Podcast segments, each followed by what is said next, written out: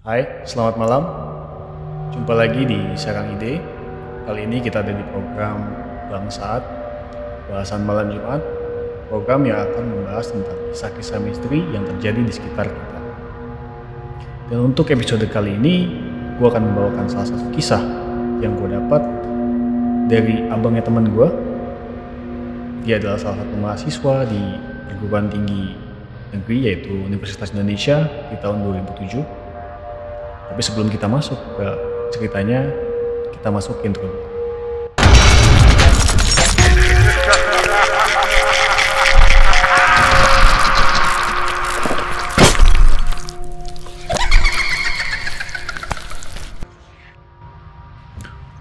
Oke, kita langsung masuk ke ceritanya.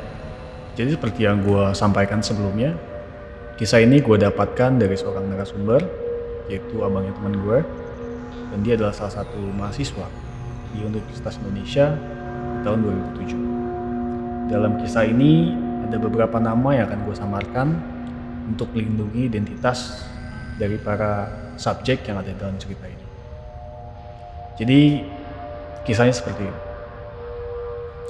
Sebut saja ada seorang mahasiswa yang baru lulus SMA dan memutuskan untuk hijrah ke Jakarta atau hijrah ke Depok untuk berkuliah di Universitas Indonesia. Sebut saja namanya Adi. Adi berasal dari Solo dan dia adalah salah satu mahasiswa yang berprestasi di Solo. Nah, Adi masuk di Universitas Indonesia, dia tidak sendirian. Dia datang bersama dua orang temannya yang bernama Damar dan Andi. Ketika mereka menjalani masa-masa kuliahnya, semua berjalan normal. Adi, Damar, dan Andi menjadi teman baik ketika berada di Universitas Indonesia. Lalu suatu ketika menjelang ujian tengah semester, mereka bertiga berencana untuk belajar bersama.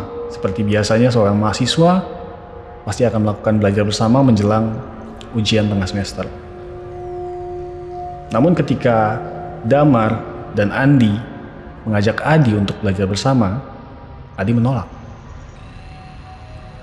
Alasannya simpel. Adi cuma pengen menghabiskan waktunya dengan si Mayang. Mayang adalah pacar Adi yang sudah dia jalin hubungan asmara ini selama kurang lebih satu tahun semenjak mereka masuk di Universitas Indonesia ini. Dan seperti yang kita tahu, ketika mahasiswa dari daerah itu, apalagi yang berprestasi, masuk ke Universitas Indonesia, mereka bisa tinggal di asrama. Dan kebetulan, Andi, Damar, dan Adi adalah mahasiswa yang tinggal di dalam satu kamar asrama tersebut. Dan narasumber dari cerita ini berada di samping kamar mereka. Kejadiannya seperti ini. Seperti yang tadi gue sampaikan, ketika mereka berencana, Adi menolak karena ingin pergi dengan Mayang. Lalu, ya udah. Damar dan Andi gak bisa memaksa, karena hal itu ya udah wajar lah di kalangan mahasiswa ya. Akhirnya tiba di mana mereka belajar bersama ketika si Damar dan Andi belajar bersama, tiba-tiba Adi datang. Sontak si Damar sama si Andi nanya, lu nggak jadi nih jalan sama Mayang? Kenapa emang? Mayang ada acara lagi? Kata si Damar. Terus si Adi ini diem aja. Si Adi ini bawa buku yang lumayan tebel, ya layaknya orang mau belajar bersama lah. Langsung duduk. Si Adi langsung duduk. Damar sama si Andi bingung. Tapi ya fine aja. Mungkin dia mereka pikir kayak lagi galau. Jadi semua berlangsung kayak biasa. Tiba-tiba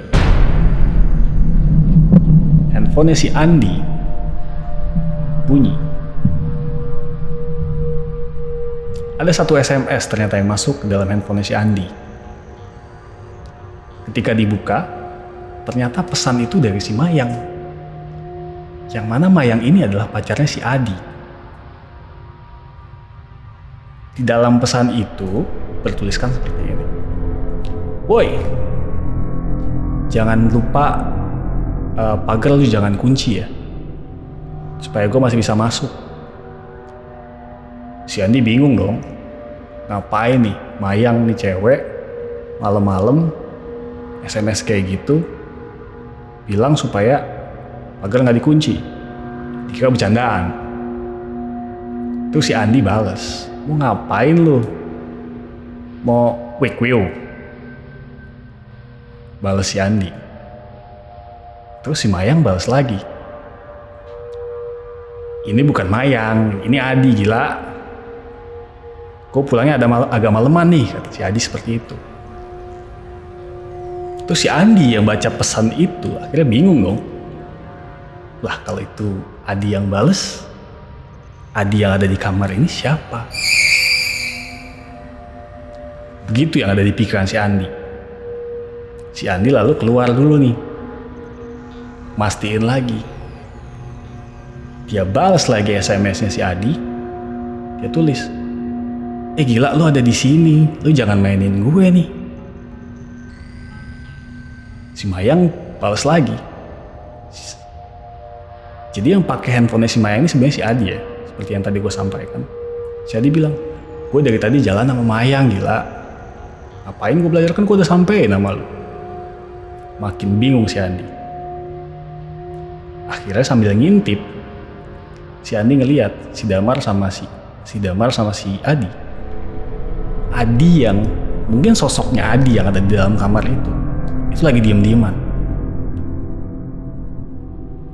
Adi emang kelihatan beda malam itu.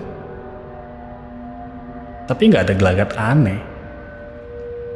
Nggak ada yang bau-bau aneh. Kayak biasa aja. Pas si Andi ngintip di kaca jendela, dia dia langsung SMS ke si Damar. Mar, si Adi jalan sama Mayang. Itu bunyi SMS-nya. Tapi Damar belum sadar, karena dia masih sibuk belajar. Akhirnya ketika dia buka lagi SMS-nya, si Damar ini buka handphonenya akhirnya. Karena dia bingung si Andi lama banget nih keluar. Ketika dibuka, dia baca pesan tersebut, makin bingung lah dia. Sampai keinget dingin, bingung mau alasan apa untuk keluar dari kamar itu. Akhirnya si Damar ini memberanikan diri. Dia ngomong ke si sosok Adi tersebut, e, gue ke kamar mandi dulu ya. Begitu kata Damar ke si sosok Adi ini. Baru beberapa detik nih si Damar kayak baru mau ngelangkah. Si Adi langsung nangkep tangannya dia. Lo mau ke kamar mandi? Apa udah tahu? Gitu kata si sosok Adi ini.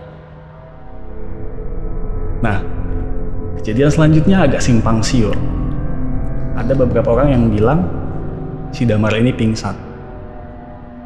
Tapi ada juga beberapa yang bilang kalau si Damar ini udah pergi ke toilet, akhirnya pergi dari kamar tersebut maksud gue. Dan sosok si Adi ini tiba-tiba menghilang.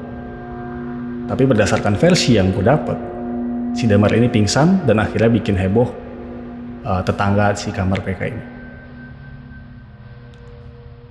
Mungkin sekian gitu aja dari gue. Buat kalian yang lebih tahu validasi dari cerita ini, atau mungkin kalian adalah mahasiswa dari Universitas Indonesia di tahun 2007 yang tahu dengan cerita ini, bisa kasih komen kalian di kolom komentar ini.